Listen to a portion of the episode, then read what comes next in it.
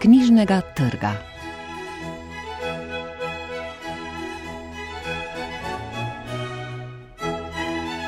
Dobar dan, oddajo z knjižnega trga začenjamo s proznima knjigama Cvetke Belc Sence in izpovedi Črnega mačka.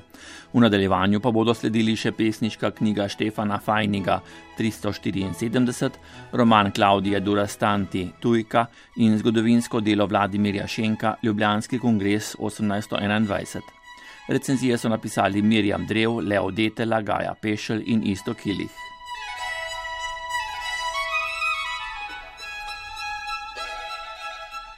Pesnica in pisateljica Cvetka Belc se je v dveh proznih delih, izdanih v zadnjih mesecih, lotila človekove notranjosti. V tožno šaljivo obarvani zbirki kratkih zgodb izpovedi Črnega mačka je naslovni mačkon prevzel vlogo nekakšnega terapevtskega opazovalca. V romanu Sence pa svoj pogled izmenično izražata ona in on. Bolj distanciran pogled s širšim razgledom na nezavedno pa prinašajo mestna poglavja z naslovom Tisto. Zamisel o tem se je porodila takrat, ko sem uvodno poglavje pisala na več različnih načinov. Zdelo se mi je, da vključiti toliko preteklosti v prvo osebno pripoved, da enostavno posamezno poglavje te teže ne bo vzdržalo. In potem sem se odločila, da o tistem, kar je nekako določalo življenje glavnega junaka, se pravi plesalca, ne glede na to, da imamo ob njem še žensko, odkrivamo njegovo zgodbo, se mi je zdelo, da je to pa mogoče dobra rešitev.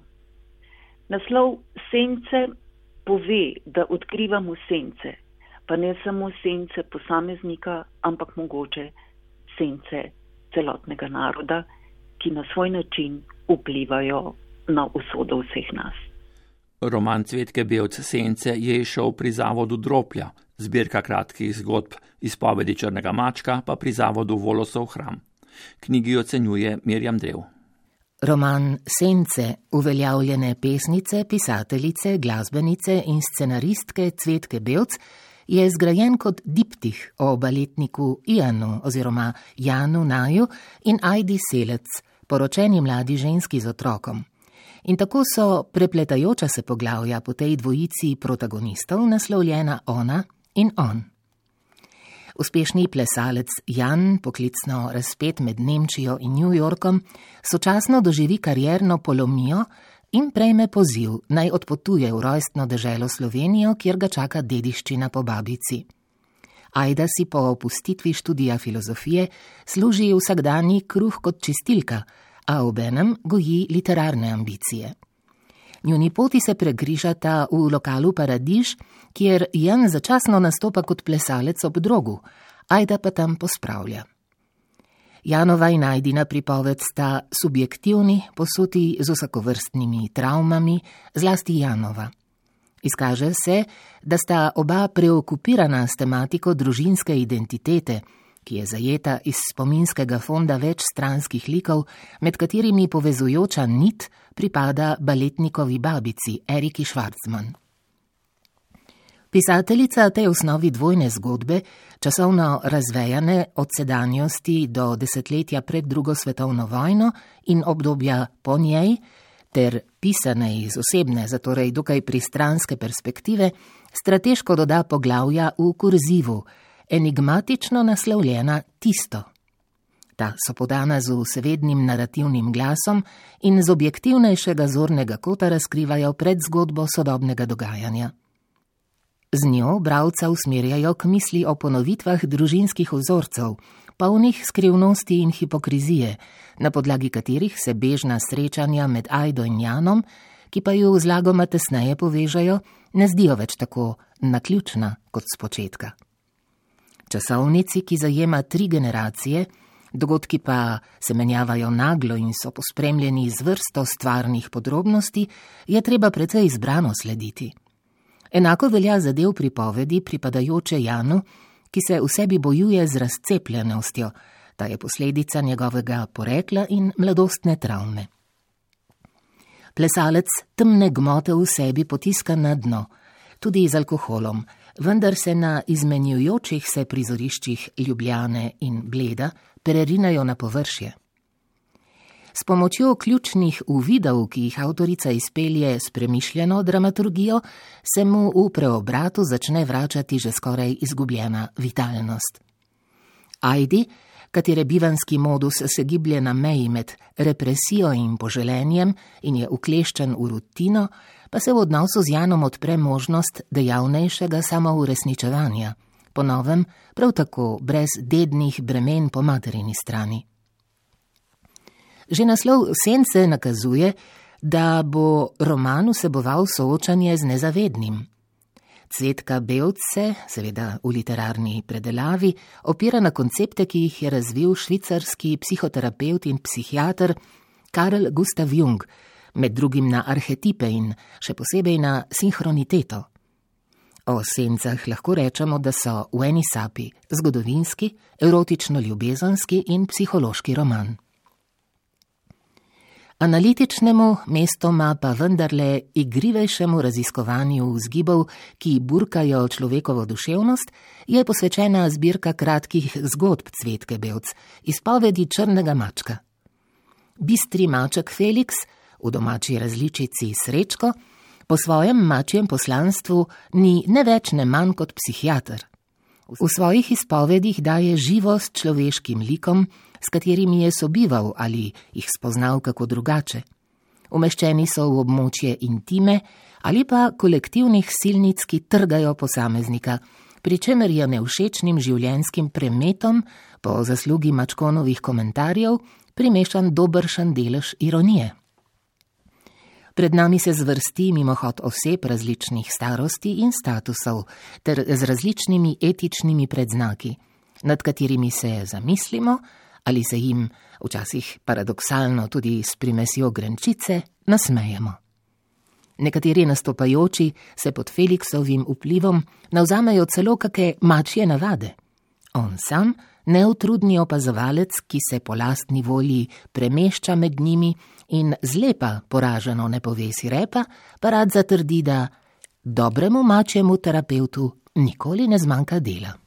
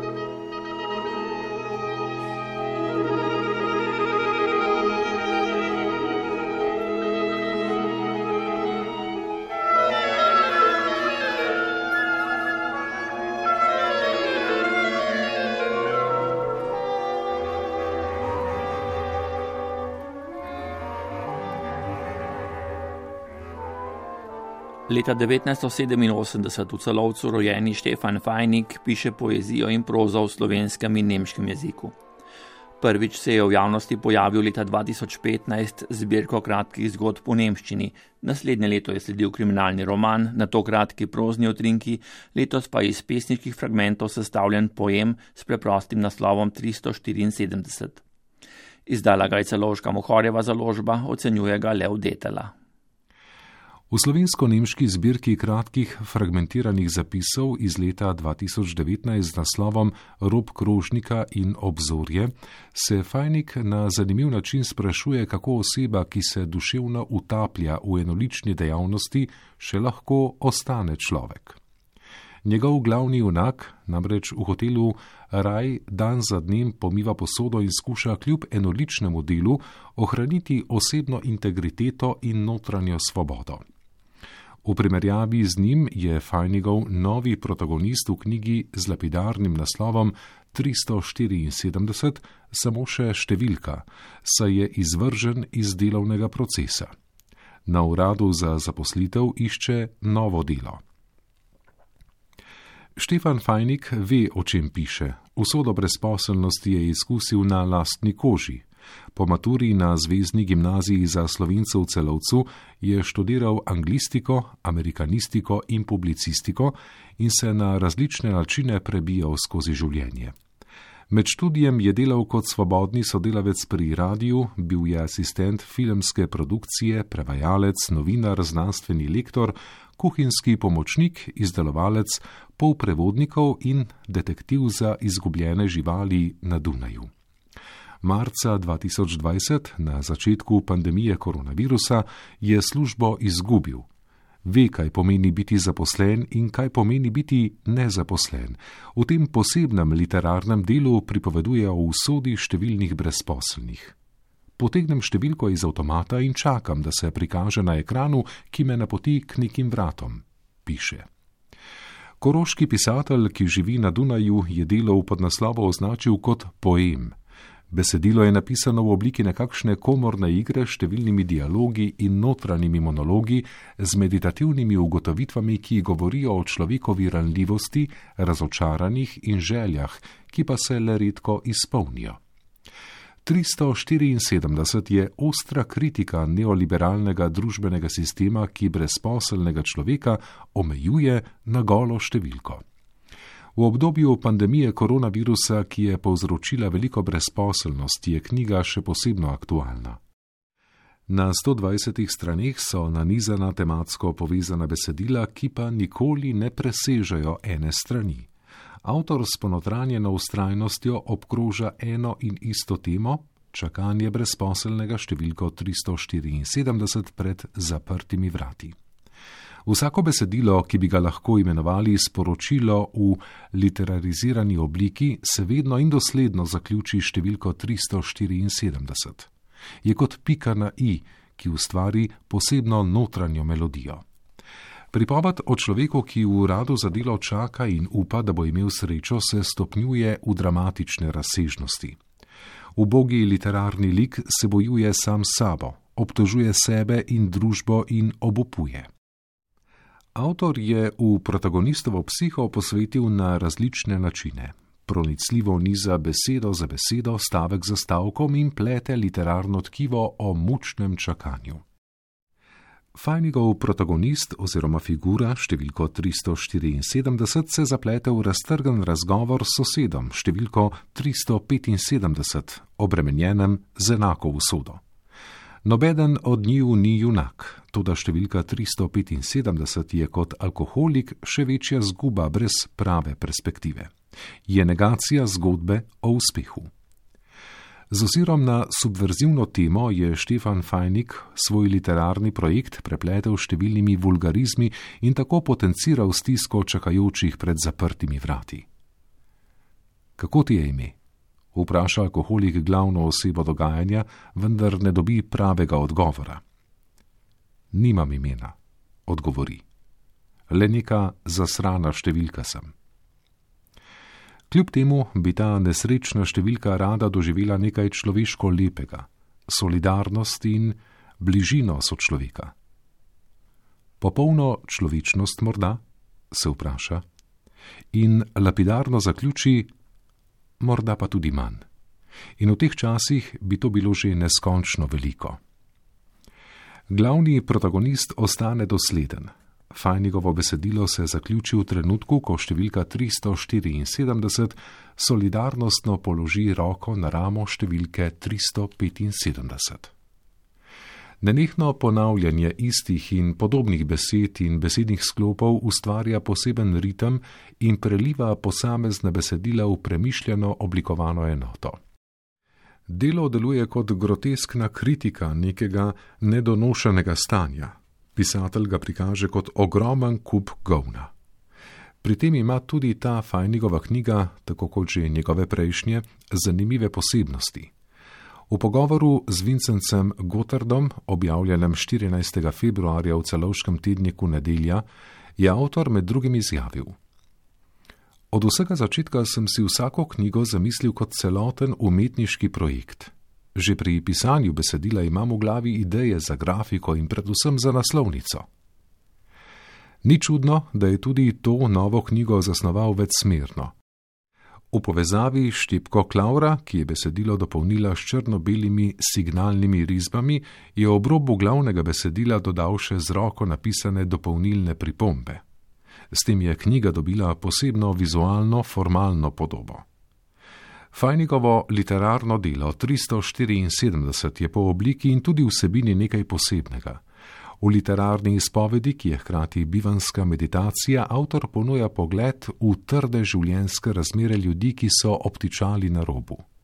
Besedilo, ki siga globoko v rane sodobne brezposelnosti, je ostra obtožba družbene realnosti, ki ljudi pretvarja v številke. thank you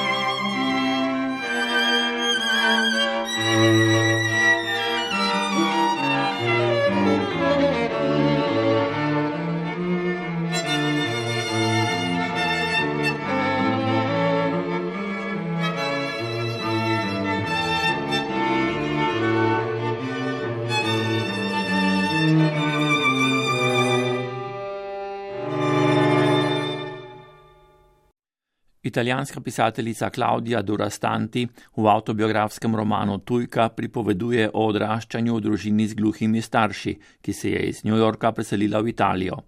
V spredju so seveda vprašanja o identiteti. Roman, nominiran za nagrado Strega, je prevedla Vera Troha in izdala založba Beletrina. Drevi pa ga bo avtorica virtualno predstavila v okviru festivala Fabula. Ocenjuje ga Gaja Pešelj. Jezik je tehnologija, ki razkriva svet, je slabih sto strani pred koncem romana Tujka zapisala avtorica Klaudija Durastanti. Roman ob linearno zastavljeni, literarizirani osebno izpovedni zgodbi njenega življenja vsebuje tudi kot krhko testo razdrobljeno refleksijo sveta in iskanja pisateljičinega mesta v njem.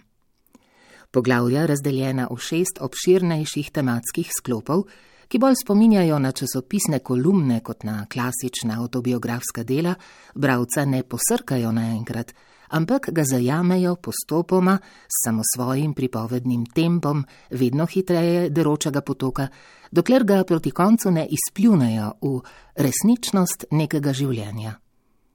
To življenje pravzaprav ni nič posebnega od povsem običajnih, se razlikuje zgolj v tem, da so pisateljičini starši gluhi, čustveno neprilagojeni in predvsem trmasto kljubovalni v svoji napol zavestni družbeni izključenosti, kar je Durastantejevo, predvsem v mladih letih, seveda močno zaznamovalo. A kljub njenemu nenavadnemu odraščanju, ki se bravcu razkriva prek časovno in prostorsko zgolj ohlapno povezanih drobcev, bolj spominsko čutnih vtisov kot pravih otipljivih spominov, avtorica staršev ne sprejema kot žrtvi, niti ju ne obsoja. Včasih smo drug drugega prizadeli, a smo se trudili, da bi se razumeli, pravi, in zdi se, da je ves njen roman prežet prav s to mislijo, pri čemer same sebe nikakor ne izključuje iz tega natančnega premišljevanja o sobivanju v neki skupnosti in hkratnem odkrivanju temnih plati lastnih misli. izjava: Ne zaupam knjigam napisanim v prvi osebi, ki ne govorijo o bližnjih srečanjih s pošastmi. Je v tej prvoosebni pripovedi njeno glavno vodilo, a hkrati takoj priznava, da zaradi privajanja na lastno temačnost ni postala nič kaj bolj občutljiva za strahove drugih. Naslov tujka je torej mogoče razumeti izrazito večplastno, od dobesedne tujosti, ki jo je v zgodnjem otroštvu povzročila selitev iz Združenih držav Amerike v južnoitalijansko bazilikato, prek tujosti v gluhem svetu staršev, ki ga vsem tihim sobam na vkljub pisateljica nikoli ne bo mogla povsem občutiti in razumeti, do končne in morda najbolj intimne tujosti pri spoznavanju same sebe v odnosu do družine, ljubezni, zaposlitve, pri spoznavanju življenja kot takega. Čeprav bi roman tujka zaradi pronicljivega razmišljanja o brezčasnih in tako rekoč univerzalnih eksistencialnih temah težko označili za tipičen generacijski roman, ni nobenega dvoma, da avtorica Klaudija Durastanti z natančno premišljenimi in dobro umeščenimi popkulturnimi navezavami, kot sta naprimer televizijski seriji Severna obzorja in Beverly Hills 90210, nagovarja predvsem svoje vrstnike, torej generacijo rojeno sredi 80-ih let, ki bliskovito globalizacijo sveta sprejema navdušeno, vendarle tudi rahlo nezaupljivo predvsem pa z večnim iskanjem svojega sidrišča v njem.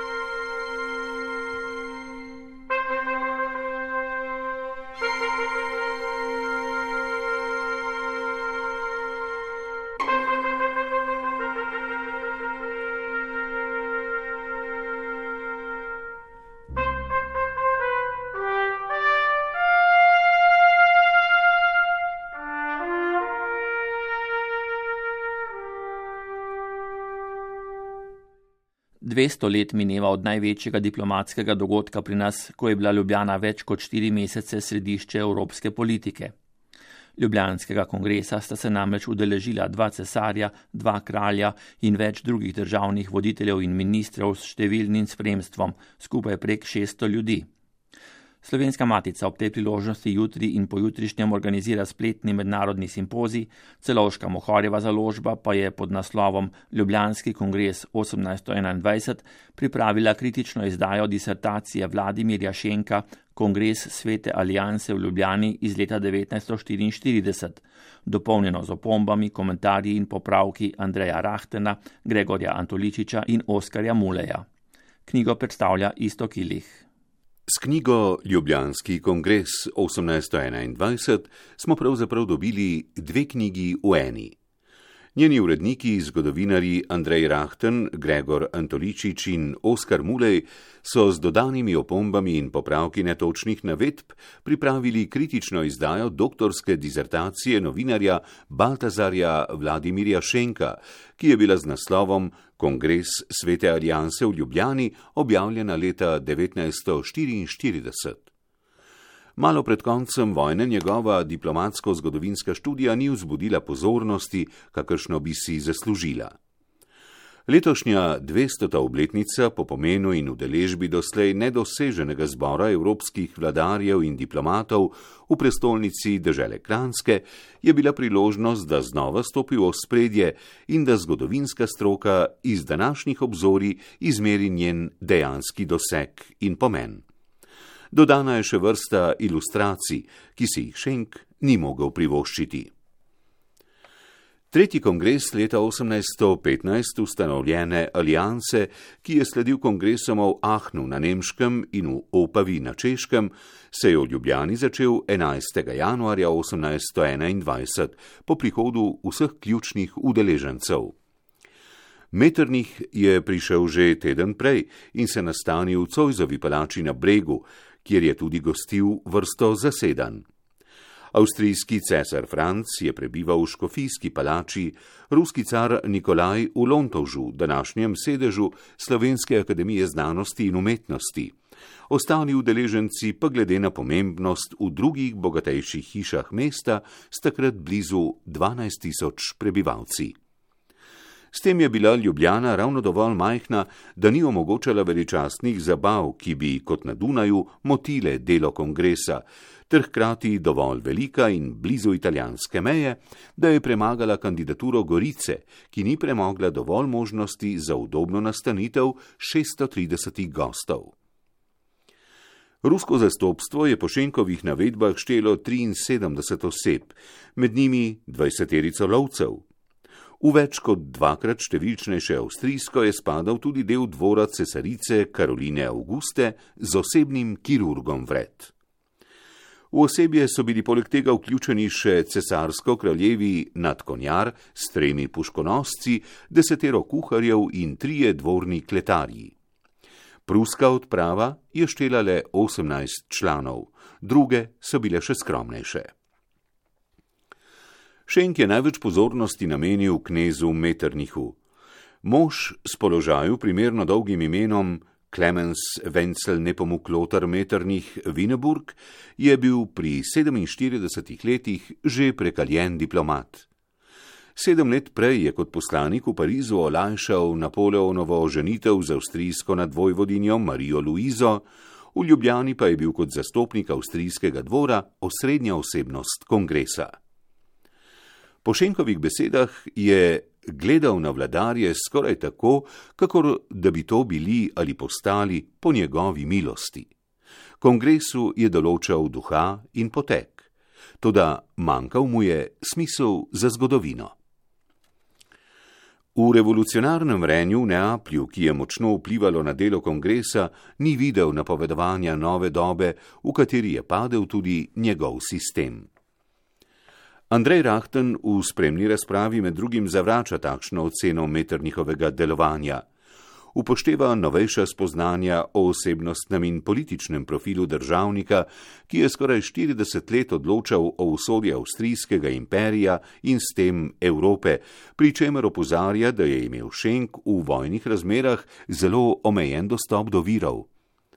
Opiral se je lahko na devet let prej izdano delo pravnika Ivana Tomšiča, Sveta alijansa in Zveza narodov, na opombe Ivana prijatelja k Tavčarjevemu romanu Izza kongresa, na nemško časopisje, ki je o kongresu poročalo pod budnim očesom Metternichovega tesnega sodelavca Friedricha Genca ter zlasti na korespondenco med njima. Pravzaprav se je več kot na Ljubljanskem kongresu Svete alijanse dogajalo drugot po Evropi, v ustajah na jugu in severu Italije proti Avstriji, proti Turkom v Moldaviji in Vlaški ter v Grčiji, kjer so se katoliška Avstrija, protestantska Prusija in pravoslavna Rusija, zastopajoč načelo legitimnosti, postavile na stran mohamedanske Turčije. Kot opozarja Rahten, je to potrjevalo, da so Aleksandr I., Franc I. in William III. videli glavno poslanstvo Svete alijanse predvsem v boju proti revolucionarnim gibanjem in s tem v ohranjanju obstoječih političnih režimov. Cesarji in kralji so zagotavljali, da bodo kot pravila pri svojem delovanju uporabljali zapovedi krščanske vere, pravičnosti, ljubezni in miru. Alijansi so se razen Velike Britanije pridružile vse evropske države, njena zagotovila pa so bila z revolucijo leta 1848 na preizkušnji že slaba tri desetletja pozneje. Slovenci so kot politično še mrtev narod, je zapisal Vladimir Šenk, zasledovali le zunanje okolje in blesk kongresa, njegov notranji potek pa je šel skoraj neopaženo mimo njih. Rahten dodaja, da je prav v tem času mogoče videti tudi začetke slovenskega narodnega prebujanja z žariščem v Cojzovem salonu in pri tem opozarja na ugotovitev zgodovinarskega kolega Petra Vodopivca, da je bil kongres Svete alijanse poleg potresa leta 1895 za Ljubljano vsekakor največji dogodek 19. stoletja. V sklepni misli se tudi strinja s Šenkom, da je bila mala kranska prestolnica, za katero so dotlej slišali le redki, med kongresom dobre štiri mesece središče svetovne politike.